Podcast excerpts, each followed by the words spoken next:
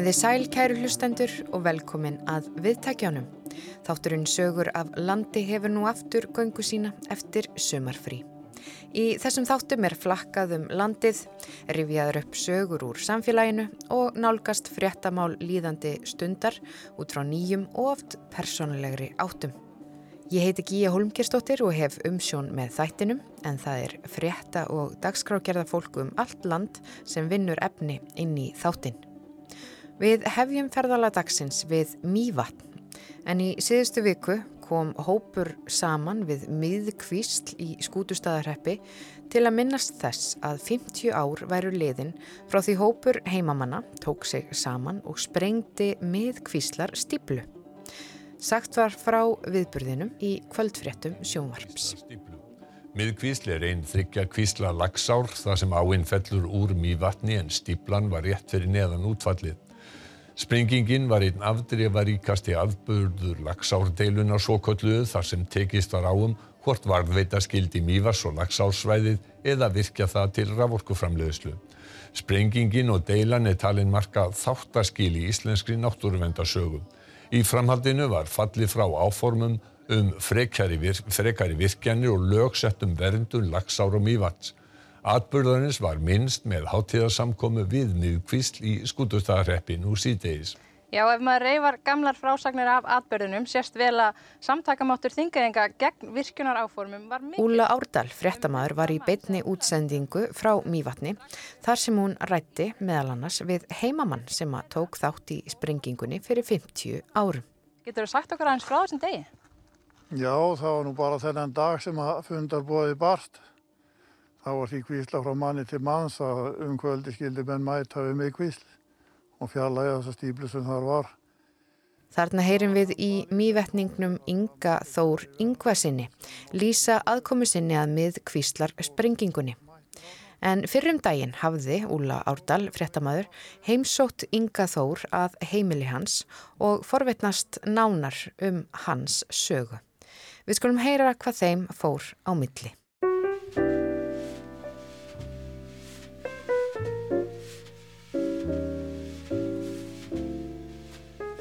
Er þú fættur og uppælinn hérna í Mývarsveit? Ég er reyndar fættur á Akranesi, það sem að móðu mín er ættu. En alltaf tíð þegar ég búið hér á skótstöðum við Mývatn. Strax, já, mitt líf hefur meira minna snúist um veiðiskap. Mývatn var náttúrulega mesta veiðivatt sem að til var í veröldin á þeim tíma. Þeim var þetta útgerð. Við stundum vatni alla daga sumari og veiðin var ótrjóðtandi, öðlind hvernig sem að var auðsir. Nú síðan fór að hallunda fæti og það er samfæring mín að mývatn var bara eðilagt sem veiðivatn þegar hér var sett upp versmiða sem að dældi upp botni í mývatn og raskaði lífrikinu öllu. Síðan hefur mývatn ekki verið svipur hjá sjón og fugglalífið á í vöka verjast enn þann dag í dag.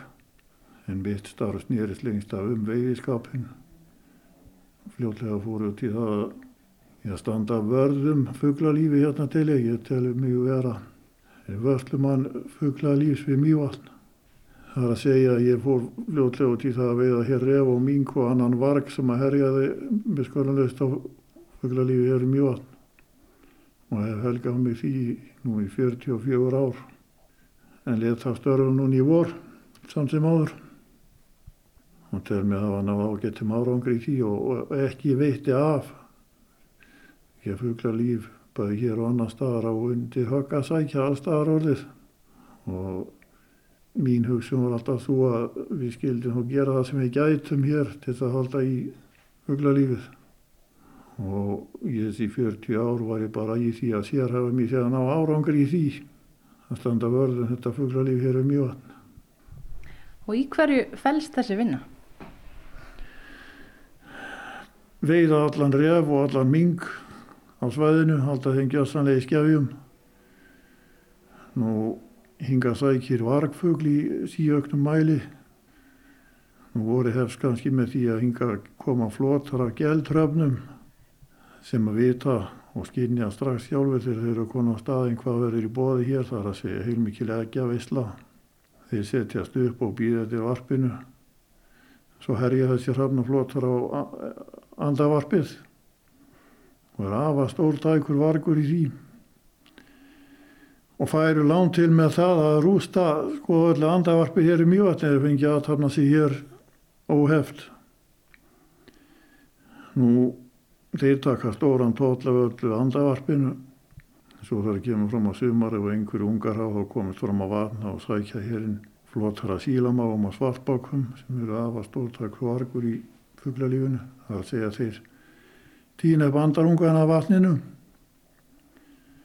Það er sannfæring mín að ef að fyrsta lagi hrafnar fengi að þarga hérna á varpinni og ég geta og svo sílamáur og svartbakkur og ungonum þá er ég bara búið með þetta fugglalíf hér á mjövatni og þá er ekkit var að tala um ref á ming sem er einnig stórtækur vargur í öllu fugglalífi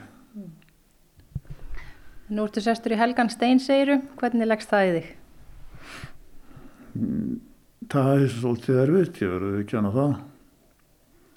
En einhvern tíðan verður maður að hætta og nú var sá tími komin bara það var einlegt annað í stöðunni fyrir mig. Segðu mér aðeins frá þessum áhugaðinum á dýnamíti. Það var einhver, einhver alveg sérstök ástríð á okkur bræðin ég er nú tvíbora bróðir átti tvíbora bróðir sem er nú reynda dái núna það var alveg ástríð á okkur alveg frá blöytu barsbeini allt sem að við komum bissum og skotværum og síðan sprengi efni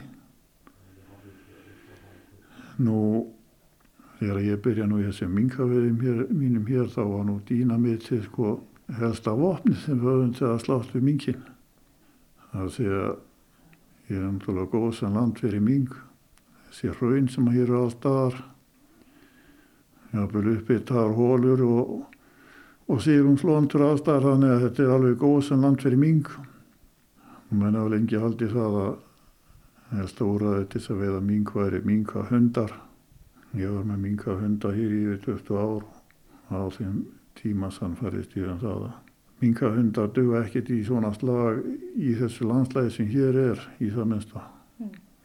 Nú, ég notaði dýna mitt óspart á minka þessum tíma. Svo var þannig einhver stjórnvars ákvörðun allt í eina að banna það. Það var þetta bara búið mála alltaf að veiða minkin með dýna mitt. Ég fór alveg farið út í það að veiða minkin í gildrur og einbeitti mér þá að vetra tímanum sem skilaði ótrúlega márangri og sannfærið með um það að væri eina rétt að leiðin til þess að halda mingi skefum og svona sveið eins og hér. Sprengingin við miðkvist, þú tókst þátt í henni. Getur þú sagt okkur aðeins frá deginum? Já, það var handvali í þenn hóp náttúrulega sem þarna mætti. Í þarna eru allir að vera sammála málstafni sem var barist fyrir. Við mættum þarna fjöldi fólks og það var ráðist á stípluna og átt að rífa hana niður í snarasti. En þá kom að það eina þarna var steinstiftur veggur sem að enginn vann á nema nota þá dýnamitt. Nú við vissum það að dýnamitt var geimt á svæðinu þar að segja virkunar aðalinn sjálfur lagsárvirkjun hafði notað dýnamitt hér við að sprengja klakastýblur og lagsa. Þetta voru einhverjir sérstakir erfileikar þarna fyrstu árónum eftir þess að stýblur voru gerðar í lagsa hér. Þá mynduðu skrapa stýblur og okkur umstingu í lagsa og það var eina úrvæðið þetta aðmenn töldu að sprengja þetta burtu með dýnamitti og lagsárvirkjun átti hér byrðir á dýnamitti sem var geimt í hellum við lagsá. Nú að því að við bræðir vorum svona sérstakir áhuga mennum sprengjefni þá voru búin að hafa það í huga lengi að fóra að leita þessi dýnamitti sem komast þú aldrei í verk fyrir en þarna þegar menn stóðu fram í fyrir því að nú vantaði dýnamitt sárlega til þess að vinna með kvilla stípla svo ég hitti félaga minn þarna sem býr nú við lags á og spurðan hvort hann vissi hvað dýnamitti væri þá vissi hann það. Og við tveir fórum og sótum dýnamittið og kom með það ansi hróðu í rað með kvilla stíflu. En svo var þetta já strax sem fermingar aldur voru við tvíborar varnir að smíða okkur að einn fallbissur Já. og hér úti stendur nú heil mikil fallbissa sem var nú lokaverkefnið þjá okkur í fallbissi smíðinni Og gáttu þengtum að skotið úr henni? Já, já. Það var skotið úr henni. Við vorum hér hópur á strákan sem auðvunni við byggingu kröfluvirkjunar. Hverju kvöldi var mætti í bílskúrin og búið til heima til, búið púður og steiftar kúlur í fallbissu. Og meiningi var að safna í 21 fallbissu skot. Eins og tíkast mjög hjá bresku konungsfjölskyldinni þegar mikið hátíðarhöldi er að skjóta 21 fallbissu skoti og sindum haust þá voru búin að safna í 21 fallbissu skot og klukkan átta á mótni byrjum að skjóta hér út yfir vatn. Þetta var eftir réttardagurinn á þeim á Reykjavík rétt og þeir heyrðu skotkvælin að dinja austur fyrir nám á fjallar en svo var þetta gert við einstaklega á tækja væri bara að skjóta fallbessinni það hefði ekki verið gert í mörg ára í dag núna. Og svo átti nú alltaf ég valdi að taka þessa bissu af okkur ef þessi er ekki hætt. En hún er hér enn. Þið hafið þá dreigð ykkur í hlið eða? já, já. Þetta var bara skemmtilegu tími meðan á þessi stóð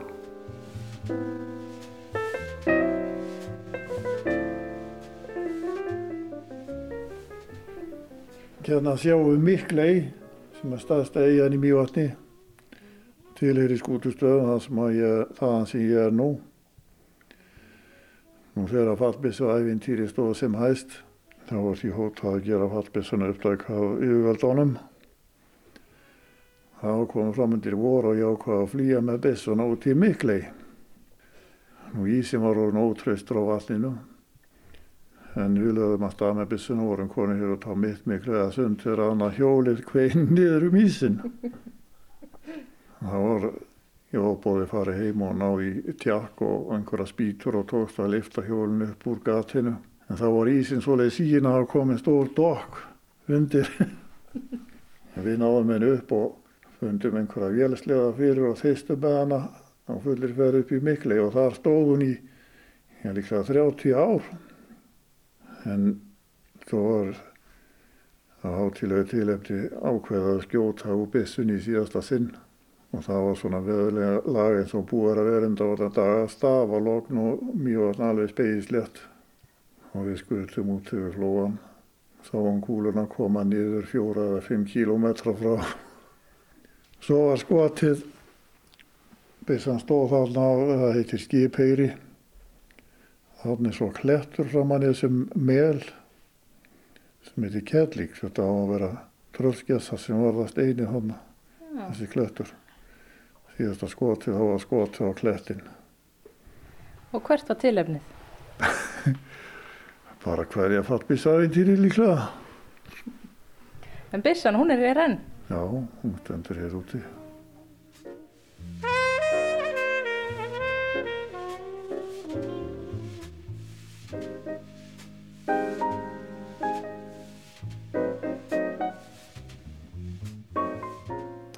Hvaðan heldur að þessi áhugi komi? Þetta er náttúrulega sprotti að veiði áhugaði sjálfsagt, en ég veit það ekki.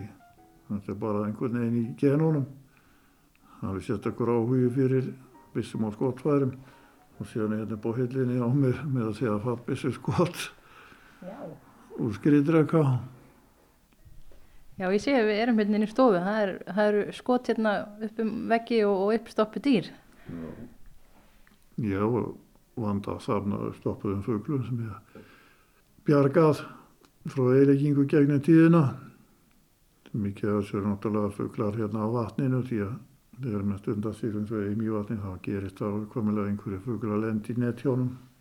Þannig að ég á allar endurnar sem hér er á mjövatni og ímsa fleiri fuglar sem ég hef fundið fyrir það mesta.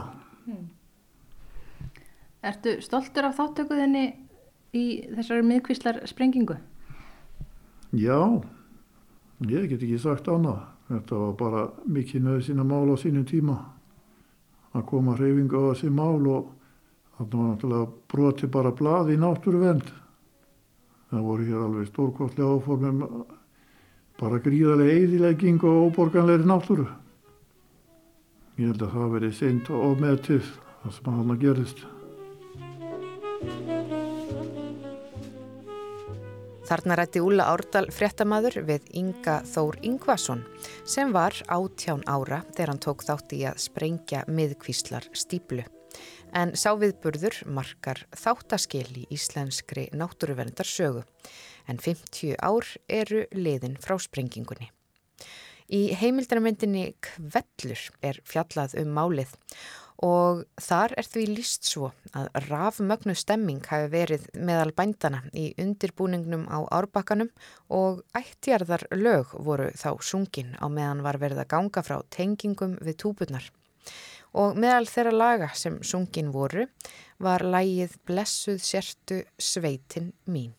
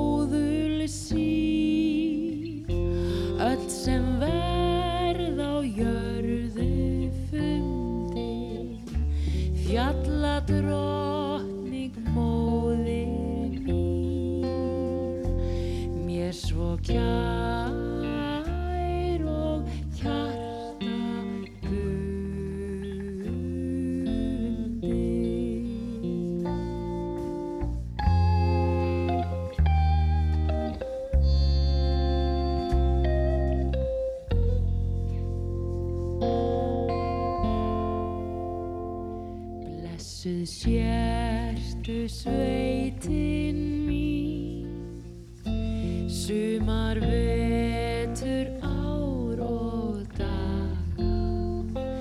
Engið fjöllin áinn um þín. Indislega sveitin mín. Heitla mig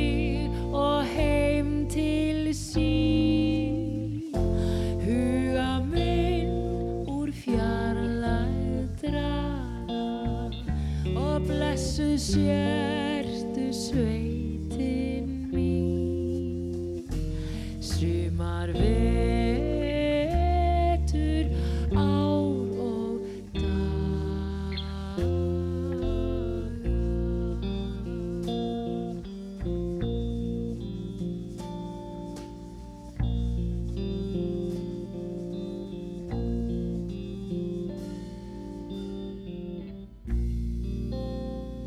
Andrea Gilvadóttir á sann tríói Björns Tórótsen flutti hér lægið Sveitin mín en ljóðið orti Sigurður Jónsson.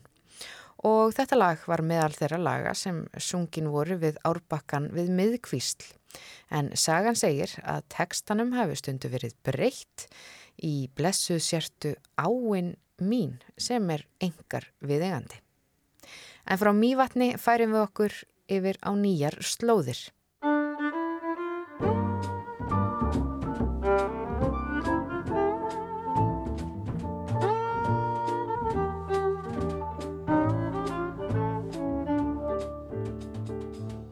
Mosa og byrkivöksnu grábrókar hrauni í Norður Árdal á Vesturlandi kúrir háskóla þorpið á Bifröst. Í þorpinu búa tæplega 100 manns en mun fleiri eða 877 nefendur stundan nám við skólan. Margreti Jónsdóttir Njarðvík sem á rætur að rekja í borgafjörðin tók við starfi rektors í sumar. Elsa Maria Guðlöks Drífudóttir, fyrirtamaður, spjallaði við Margreti um starfið og skólan.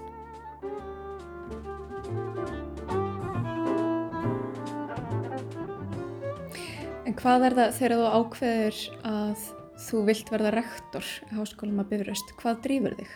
Nú, ég verð nú bara að trúa þið fyrir því að ég hugsa þetta fyrst árið 2010. Þá var ég fulltrú í Háskóls Reykjavík í mögulegum saminninga viðræðurum á milli Bifrastar og Háskálans í Reykjavík. Og þó að ég væri að þjóna mínum skóla þá sem var HR þá hugsaði ég alltaf að ég láti mig bara fá hann í skóla þetta er svo ótrúlega spennandi verkefni.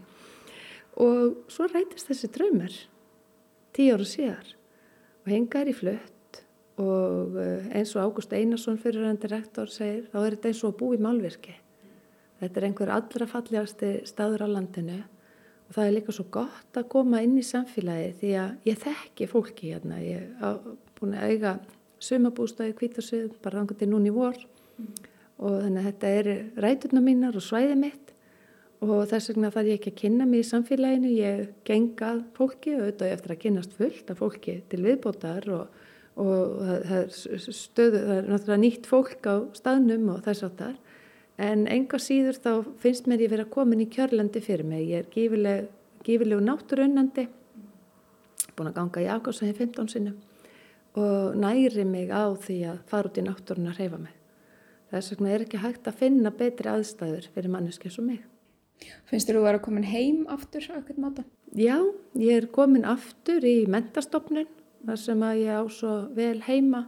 Ég kendi í framhaldsskólum áður ég, ég var í MR, Vestló og Kvenna áður ég fór út í doktorsná til Bandaríkjana og svo var ég í Háskólanum, Háskóli Íslands, HR og nú hér og hér þar sem ég er vittni af vexti og, og valdeflingu það eru aðstæður sem að valda þegar ég blómstra.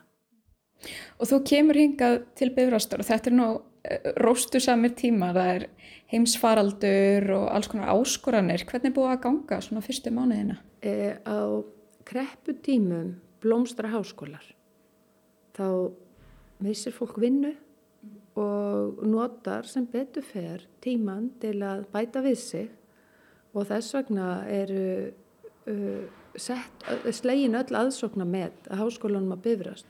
401 nefandi er að hefja nám við háskólanum að bifrast nú í haust og, og það er alveg ótrúleg aukning og hef, það eru mörg, mörg ár frá því svona margi nefnundur hafa innritast í skólan. Þannig að raunir er forutindi að taka við skólanum nú þegar öllir fjárhagserfileikar eða þessir miklu fjárhagserfileikar sem að um, voru umhverfið skólan í kringur hrunið, þeirra baki og nefndum fjölgar svona mikið, þá auðvitað reynir á styrka stjórn og uh, góð efnistök en þetta eru líka forrættindi. Svona mikill fjöldi meirinn 400 nefnendur, er skólinn í stakk búin til þess að taka móti öllu þessu fólki? Það er nú líka það skemmtilega við að koma í bifröst. Fyrir mass þá heyrðist ofti fólki, já, fjarnám. Og þá segum við, þetta er ekki fjarnám, þetta er blandanám. Þetta er nám þar svo bæði kemur á staðin og lærir heima hjá þér. Þú fær það besta á báðum heimum. En ofta tíðum hefur fólk haft fordama uh, gagast fjarnámi en nú hveði við annan tón. Ég heiti til dæmis konu sem sagði já, tengd og svona minn er læknisfræði og hann var svona æðislega lélegan kennari nú nefn ég ekki fæi, en svo fórum bara netið og fekk þannig frábæra kennsli fjarnámi. Þannig að fólk er að uppgöta hvað fjarnám, ef það er vel og garði gert, getur verið mikil bylting og bifröst er fremst í, fjár, eh, í fjara, farabrotti í fjarnám á Íslandi og fjarnám sem slíkt er eitthvað mikilvægast að tæk Eh, tæki og tól byggðastefni í verki. Vegna þess að fólk sem býr allstæður um landi það kemst ekki svo glatt í burtu án þess að flytjast á brott úr brothættum byggðum því að þetta er eina líkil ástæðan þess að fólk fyrir burtu það er vegna náms og með fjarnámi þá getur við gefið fólki þá hugmynd og stutt við byggð út á landi og sagt þú getur fengið frábært nám þar sem þú býrð og það mun styrkja byggðina þar sem það byggð og því er fjarnám byggðarstefni verki. En talandum um eitt búsetu, það er náttúrulega háskóla þorp hér á Böðuröst. Hvað eru margir þessara nefndar sem að kjósa koma hingað og búa hér? Sko, í dag eru þrýra flytja hingað Já. og í síðustu viku voru það ennþá fleiri vegna þess að á krepputíma þegar fólk missi vinnuna þá spyrða þessi líka hvernig get ég farið vel með þá peningar sem ég hef á milli handana og besta leiðin er að lækka útgjöldin og ef að þið byggist falleg íbúð á mjög lágu verði í nærandi intellektuál samfélagi sem er umhverfis háskóla versus það að leia eins og eitt sem kom hinga, hann var að leia 34 fermetra kjallareibú í miðbænum og 100 og eitthvað þúsund krónur og fekk yfir 80 fermetra hér.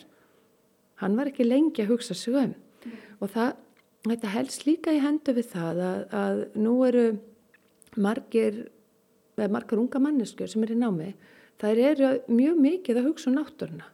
Þær eru mjög mikið að hugsa um það að vera ekki stöðut á ferðinni Það eru að hugsa um það að lifi sátt við náttúruna og hvað er betra heldur en að fá fallega íbúð í skemmtilegu háskólaþorpi út á landi mjög nálagt bænum. Þú ert ekki nema rúma klukkutíma að fara. Þannig að það stoppar ekki hjá okkur í umsóknum um íbúð.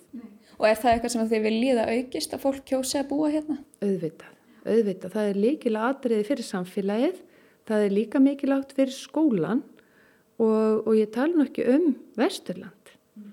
vegna þess að því fleiri sem búa hér, því meira gerist hér, því fleiri fyrirtækjur eru, eru stopnuð og það verður skemmtilega að búa hér. En uh, núna ertu svona að hefja þína tíð sem rektor, hvaða tækifæri sérðu fyrir háskólan? Hvert viltu stefna komandi árum?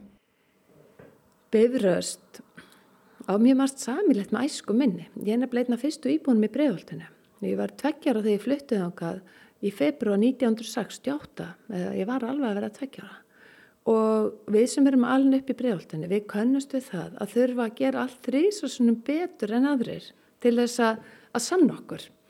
Við vorum bregolsvillingarnir og, og þurftum að vanda okkur óskaplega mikið.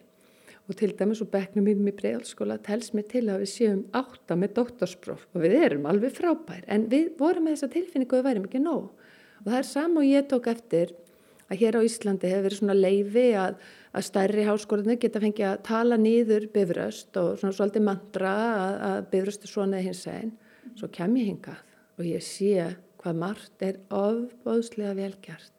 Frábæri kennarar, áhuga samir kennarar, umhyggjusamir kennarar, ofbóðslega vel útfært fjarnám. Þetta er sumir fyrirlæstarinnar eins og sjónvastættir, bara kveikmyndaþættir og, og nemyndur duglegir, vinnusamir og skarpir um, þeir eru frábærir og þetta er eitthvað sem ég ætla að halda vel í, það sem er velgjart, styrkja það enn frekar.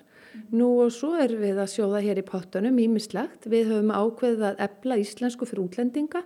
Það vantar mjög íslensku og ennsku kjenslu fyrir útlendinga og þar er við góð og þar er ég góð, ég er góð í öllu sem heitir svona alþjóðamál og alþjóðsamskipti og það er líka mikilvægt fyrir okkur. Nú annað er við með í pottunum og það er mastersnám í, í áfallastjórnum, Master of Disaster, nám sem við erum að hanna með e, e, tartilbærum aðil, ótrúlega spennandi og, og, og, og má alveg segja frá núna að er á þróunastígi hjá okkur og mikið þörf á því fyrir björgunarsveita fólk, fyrir lauröglumenn, fyrir fólki heilbriðstéttum, fyrir sveitastjórnir því að við höfum aldrei fengið eldgós, jarðskjálta, bankarhun, snjóflóð, nefndu það. Já. Þannig að þú ert að sjá svona kannski tækifæri innan samfélagsinn sem er hægt að tappa á og, og koma til mótsvið í þessar stofnun hérna? Sko við ætlum auðvitað að sækja út í samfélagsins og nú þegar er ég búin að búa það að við ætlum líka svona vekja upp hefði bifrastar. Bifrast bauði ávalt sveitungu sínum í, í kaffe fyrsta desember og það verður sko aldrei staði við það núna fyrsta desember e, og ég þekki engan sem hefur verið á bifrast sem fæ ekki ljóma í augun. Það er þessi svo kallega bifrasta glampi sem kemur í augunum fólki þegar það minnist áran á bifrast og það er líka til komið vegna að það voru tengsl við samfélagið. Og ef að ég hugsa sveita háskóla, háskóla út á landi sem kenni viðskiptafræði, þá hugsa ég strax um öll fjölskyldu fyrirtækin sem eru hér svo til okkur með einasta bæ, sem eru hér út um allt. Og það er eitt af því sem ég langar að leggja meira áherslu á, það er samtali við, við sveitina, samtali við sveitafélagi og líka að byggja upp hérna umræðugrundvöld bjóða fólk að segja frá. Sjáum til dæmis hvað hefur verið gert hér í uppsveitum borgarferðar. Sérðu hvernig e, húsafell hefur algjörlega rýbranda sig svo í sletti nú. Það hefur hækkað standardinn á allir sinni ferðarþjónustu, komið luxushótel, luxusmat, sölustöður, frábær, giljaböð, ferður upp á jökul Allt þetta hefur gerst hægt og, og hljótt að þess að sé flugveldasýningi kringum það. Svo hefur lítum á výðgermli þar sem fæðminni fættur randi fljótstungu kvítarsöðu. Það er búið að taka hellin og lýsa þannig að það er, er stórgóðslegt ævintýr að fara ofan í hann og líti á kröymu. Hérna erum við með bara í næsta nágranni alveg ótrúlega merka nýsköpun og það er eitt af því sem að ég vil líka færa til sinna sveita, það er orðið nýsköpun. Nýsköpun er ekki bara að vera með hátækni og búið til upp, nýsköpun er akkurat þetta sem fólk hefur verið að gera hér og, og lítu til dæmis á fyrirtæki eins og Skagan á Akranissi. Þetta er alveg ótrúlega nýsköpun sem á sér stað og, og ég vil vera þannig sveitsett að ég geti sagt að við séum í samtali og samvinnu við þessi fyrirtæki fjölskyldufyrirtæki sem er á Vesturlandi og, og í landinu því að, að Íslandikar hafa ekki verið góður í því að vinna með fjölskyldufyrirtæki og að því að ég er nú með doktorspróf í spænsku og hef verið með annarfótun og spánu og orðsvöldi spænsk, spánverjar eru frábæri þessu. Þeir kunna viðskiptafræði sem tengist fjölskyldufyrirtæki. Mm -hmm.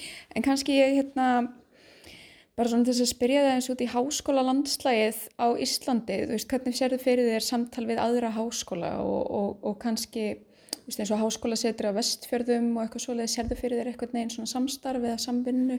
Já, sko háskóla setur á vestfjörðum, þar er hann Petur Weiss, vinnu minn sem var tískokennar með, ég var spænskokennar í HÍ og við erum aðili að fulltrúaráðinu hjá þeim og það er akkurat svona gott dæmi um háskóla setur sem hækkar Það er að stækka allir við að hafa háskóla vegna sem leiður háskóli, þá laður til því nákvæmna tegunda starfsfólki sem eru með ákveðna mentun og þessir starfsmenn eiga maka sem búið síðan til fyrirtæki, sem eiga börn sem fyllar skólana, sem fara síðan í mentaskólana. Þannig að þetta er í raun og veru svona þessi snjókúli áhrif sem háskólar eiga að hafa í samfélaginu sínu ef þeir eru tengtir því.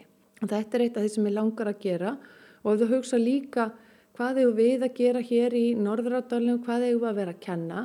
Við eigum að kenna það sem er öðruvísi e, og við raunum verið eiga háskólar í dag að kenna allt það sem gerfigrænt gerir ekki. Sko, við erum með leifi til að starfa viðskiptaf, viðskiptafræði og félagsvísundum og til dæmis er þetta nám sem verðum að setja lakirnar algjörlega í beinum tengslum við það. Og svo megum við ekki gleyma því að bifröst hefur alltaf verið skóli tækifærna og þegar ég mætti hér í útskriftina í vor, ég vissi ekki að það væri fimm vasaklúta útskrift. Vegna að það hlustaði ég útskriftarima segja sögu sína því að líf okkur er alls konar. Og, og oft er sagt að háskólinu byrður þessi háskóli tækifærina þá unga kemur fólk sem að líf okkar, þú veist, þú sögumir hafa til eins og eitt sagði mér, hann var í sjö barnaskólum og þá var ekki mikil festa kannski á námans en svo kem, fór hann í háskólagáttuna hjá okkur og, og, og er með elluði meðlengur hann tíu meðulegum í, í, í grunnáminni hjá okkur viðskiptafræði vegna þess að hér er ekki spurt fóstu í gegnur röri eins og allir hinnir, hér er spurt hvernig getur við aðstofa þig og hvernig getur þú látið þína mentadrauma rætast án þess að gefa afslátt og kröfum heldur skapa aðstæði til náms mm -hmm. og það tekja mjög alvarlega og, og nefndur sem hafa farið í gegnum háskólagáttina hjá okkur þeir hafa plömmað sig ótrúlega vel. Elsa Maria rætti þarna við Margreti Jónsdóttur Njarvík sem að tók við starfi rektors háskólans á Bifröst í sumar. Á Bifröst stunda nú 877 nefendur nám og þaraf eru 400 þeirra nýnemar en met aðsokn er í nám við háskólan þetta haustið. Við heyrum næst í nefendum við skólan, ungt par sem er að hefja nám við háskólan og valdi að flytja frá höfuborginni til byðrastar. Eh, ég heiti Egil Örn Rapsson og ég er að læra í hérna, nýri braut hérna sem heitir Skapandi greinar Ég heiti Bryndis Inga Reynis og ég er að læra viðskiptafræði með áherslu á markasamskipti og samfélagsmiðla. Og þið búið hérna saman á Bifröst? Já, fluttum hérna fyrir núna mannuði síðan. Ekki, kom mannuður. Það er mannuð núna. Já. Sko við erum að flytja úr uh, miðbænum og hérna, ég, ve ég veit ekki, við vorum einmitt að ræða við veitum ekki alveg að, nákvæmlega hvenar hérna svo ákvörðin var tekin en, en við erum samt bæðið þannig að þegar ákvörðin er tekin þá erum bara tekin svolítið. Já, ég var að, var að klára frumgræðandildin í núna í vor, sem er svo háskóla brú, var svona farin að huga að næstu skrifum og veit ekki alveg hvað var til þess að mér datt bifurust eitthvað neins sérstaklega í huga en kannski bara eitthvað með bara svona heitlandi námsumhverfi og þannig að það eru flestir sem að stundan á með bifurust eru hérna í fjarnami eiginlega allir held ég bara eins og staðan er í dag en mér ást eitthvað neina ekki koma annað til greina en að flýtinga og bara neina vera í umhverfi við skólan og já, breyta til runni. Það er mitt, já þú sagði mér að þú var að fara að flytja bifröst og ég réði hvort ég kem með eða ekki. það var bara kýlt á það. það já, já. Það sjáum ekki eftir því. Nei, heldur betur ekki. Þið eru búin að vera hérna í hvað, mánuð? Hvernig er þetta búin að vera hinga til? Þetta er búin að vera frábært. Þannig að núna skólinn byrja núna í, senustu viku og þetta er svona, svona fyrsta vikan sem að þetta er svona... Já, við tókum okkur tími að koma okkur fyrir bara og, og hérna Já. svona lærin á umhverfið og, og byrja að kynna staðins fólki sem býr hérna og uh, svo já, námið er að byrja og þetta er nú skemmtilegt að það er svona kjarni sem hittist alltaf hérna niðri uh, í einni skólastofunni og læri saman og er til handar fyrir hinna og hérna, þetta er mjög, ei, þú veist, einhvern veginn, þetta er bara frábært að þá þetta sé fjarnam að vera samt sko innan um aðra nefnendur í námsumhverfi uh, og með aðgang að kennurum aðstöðakennurum já og svo bara einhvern veginn bara fallegt hérna og, og ekkert sem að hérna maður er ekkert að skjótast einhvern veginn oft nýri bæði þegar maður er alltaf eitthvað að fara að gera eitthvað eitt erindi og það tók kannski fjóra klukkutíma að því að maður fór að gera eitthvað annað og glemdi sér og, ég, og það er ekkert þannig hér sko. Ég er alveg farin að sjá fyrir mér í hyllingum sko að þurfa ekki að vakna á mótnana og skafa bílnum og býða í umfæran út í klukkutíma eins og ég var að gera í sannstust þegar ég var í HR það er bara gegja, búa bara 20 sekundir frá skólunum er bara Já, og er alltaf heim núna í dag þú veist, bara, þú veist, bara þú veist, það er jafnvel stittar að fara sko, að lappa heim á klósti heldur en að fara hérna á klósti sko, og bara fara heim og fá sér hvaðið gogginn og einhvern veginn. Mm -hmm. Og þeir eru með fjölskyldu? Við erum með stráka sem koma til okkar hérna aðra hverja viku Já. aðra hverja helgi hrindar og hérna þeir elska hérna þetta umhverfið þeir frelsi náttúrulega sem þeir eru ekki vanir í Reykjavík eða Hafnarferði uh, Þeir sem er með börnin að geta svolítið bara slefta meina út og það er bara öfurlugt umhverfi og maður sér hérna reyðhjóla við öðru og það er enginn að læsa, maður er enginn að koma að taka þau og, og það er hérna leikskóli sem er flottur leikvöld hérna og bóbaltaföll og bara hérna allt er alls, þetta er mjög batmænt umhverfi, erum alveg að sé það og og gaman að koma stundum út á mótnana og, og lappa fram í leikvellinu og það eru tvö lömp sem að hérna eru búin að gera sig Já. svolítið heimakomin inn í, í þorpunum. Það eru bara mjög vinalegt einhvern veginn að heyra jarmin og samnarbyggisklukkan á kvöldin. en þið voru svona svolítið að tala um samfélagi hérna á Bifröst. Finnst ykkur að bæta það á námsupplöfununa að ekki bara vera í fjarnámi heldur að vera hérna á staðnum og hitta alla? Já, alveg, klárlega. Það er einhvern veginn allir sko, þú veist, bara við erum erum við öll út af eða, veist, það er allir með sama markmið eitthvað, það er bara komið hérna til þess að, að læra og, en samt að hafa gaman veist, þetta er ekki alveg veist, það er gaman hjá okkur það er hérna, félagsmyndstuð hérna, og það sem er hægt að fara í púli eða pílu og það er mjög duglegt að, að vera með góða dagskrá og strax alveg búin að vera með mjög fína dagskrá. Já, já, bíókvöld um daginn það var mjög skemmtilegt, pop og kók og, og bíó og hérna. Svo erum við að fara í stæðja hérna, bjórnversmiðuna sko það á lögadaginn og þannig að það er ímislegt sko það er svona vísindaferðir hérna það er, svo eru alls konar hugmyndir sem að og þeir eru líka mjög opni fyrir hugmyndum við vorum með að stinga upp á einhverju þú veist að fara, við vorum með hérna brenni boltamót í ídratósunni og, og þetta er einhvern veginn bara en maður finnir líka einhvern veginn bara hvað þú veist það er svona góða nákvæmna kelligur hérna og svo sagðum þá hitt þá er hérna læraðasta hérna, hérna nýri helvíti svo kallað í skólunum og hérna það getur við hiss bara þeir sem vilja komið þánga saman og lært og þó að við séum að öll, veist, öllum aldrei og óháða deildum þá bara erum við hérna saman að læra og þú veist maður getur alltaf nýpa einasta manni ef það er eitthvað og bara, bara heldur mann í góri rútínu. Nei, ég sé það fyrir mér að maður er búin að kynast þessu fólki hans ég vel þegar, þegar námanu svo líkur sko. En já, þið fóru svona aðeins inn að af hverju bifurust, þú veist, af hverju komið yngað, vissu ekki alveg af hverju ákvaða flytinga en af hverju ákvaða hef ég nám hér? Sko, það var eiginlega uppalega að með leist vel á námsbröðina hérna. Mm -hmm. Ég, já, ég sem sagt var alveg á, ég er rauninni vissi ekkert hvað mér langaði að gera eftir frungröndildin í Háar. Mm -hmm. Ég var að taka viðskipta grunn þar en það var samt ekki, það var ekki beint viðskiptafræðin þar sem heitlaði mér sem áframhaldi nám. En svo sá ég að þeir bjóðum upp á reyn og er eini skóli sem bjóðu upp á nokkra áherslur með viðskiptafræðinni. Og þá valdi ég þess að áherslu á markasamskipt og samfélagsmiðla. Og þá eins og nýja vala áfangunum þá eru til dæmis alltaf ég að fara í skapandi skrifona þannig að þetta er svolítið skapandi með sko samhlega því að að vera í viðskiptafræði því ég veginn sá fyrir mig bara viðskiptafræði nei ég ætla ekki að fara að vinna í banka þú veist, þetta er náttúrulega miklu, miklu breyðara en, en ég var að segja núna. En já, það var svona eiginlega ástæðan. Og allir langaði líka að fara í nám. Já, og ég vissi nú ekki hvað það var, ég ætlaði að fara bara í sko háskóla gáttina hérna uh, en svo sá ég þess að skapandi greina sem er nýbraut. Og ég hef mikið verið í því uh, eiginlega bara alltaf innan um skapandi greinar. Og hérna þá var það eiginlega bara alveg borlegjandi ég hef ekki svona hugmyndum að þetta væri til sko. þannig að þetta, við erum bæði já, bara einhvern veginn farin að gera það sem okkur langar til að gera. Við erum svolítið bara rétt um staða, rétt um tíma. Þannig að Ég mitt, já, svo var ég búin að vera að vinna síðustu fimm ár mikið sem hérna, leðsögumæður fyrir ameríska ferðamenn í enga ferðum Það er alltaf nóg að gera því núna. Ég mitt, akkurat. Það er, það sér ekkert fyrir endan á því hvernig þeir hérna koma þannig að ferðamanna innan tegur vissjars aftur. Þannig og, og svo er sem er svo skrítið að það er hlutami sem er hálf fegin af því að ég er svo ánæður með að vera komin í þetta nám og þá gefur það mig bara svolítið tíma til þess að einbæta mér að því. Mm -hmm. þannig að þetta eru blendna tilfinningar. Já. eins og með allar svona lífsákvarðanir. Í raun og veru. En svo er einhvern veginn einhvern veginn tók ekki að segja ákvarðin einhvern veginn tók sér bara svolítið sjálf hjá okkur. Mm -hmm. og veist einhvern veginn við bara þetta er eiginlega bara allt í nú erum við flutt inn á bifröst og byrjuðið námi og... Var eitthvað sem kom ykkur á óvart við þetta ferli?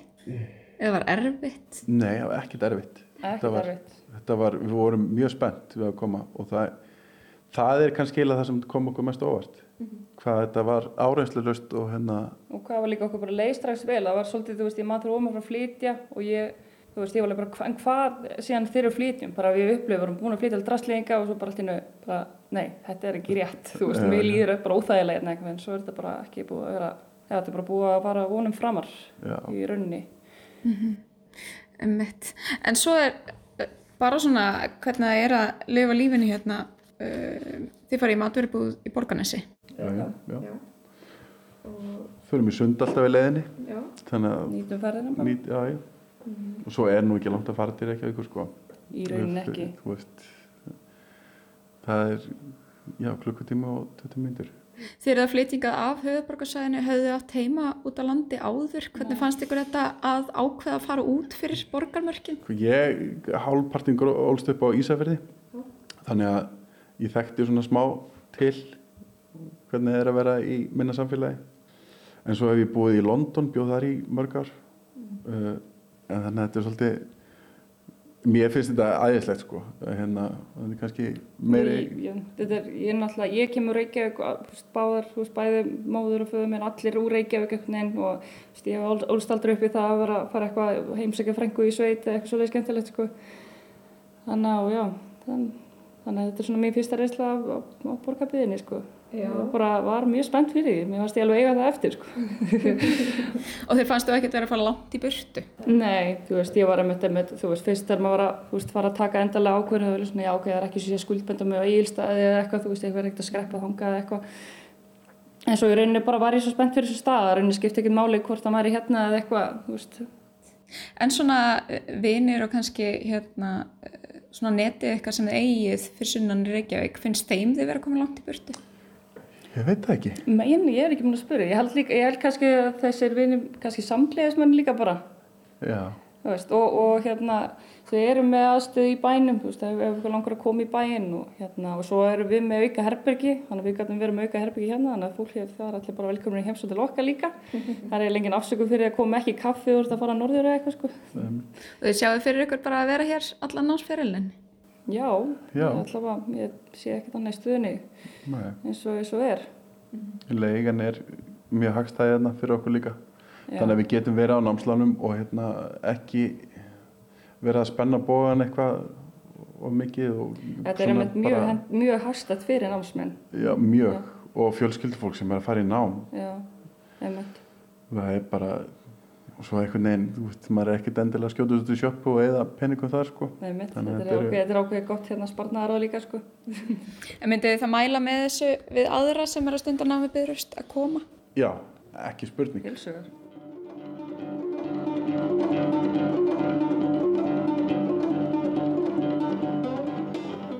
Þarna rætti Elsa Maria við Egil Örn Rapsson og Bryndísi Ingu Reynis sem nýflutt eru í háskólaþorpið á Bifröst.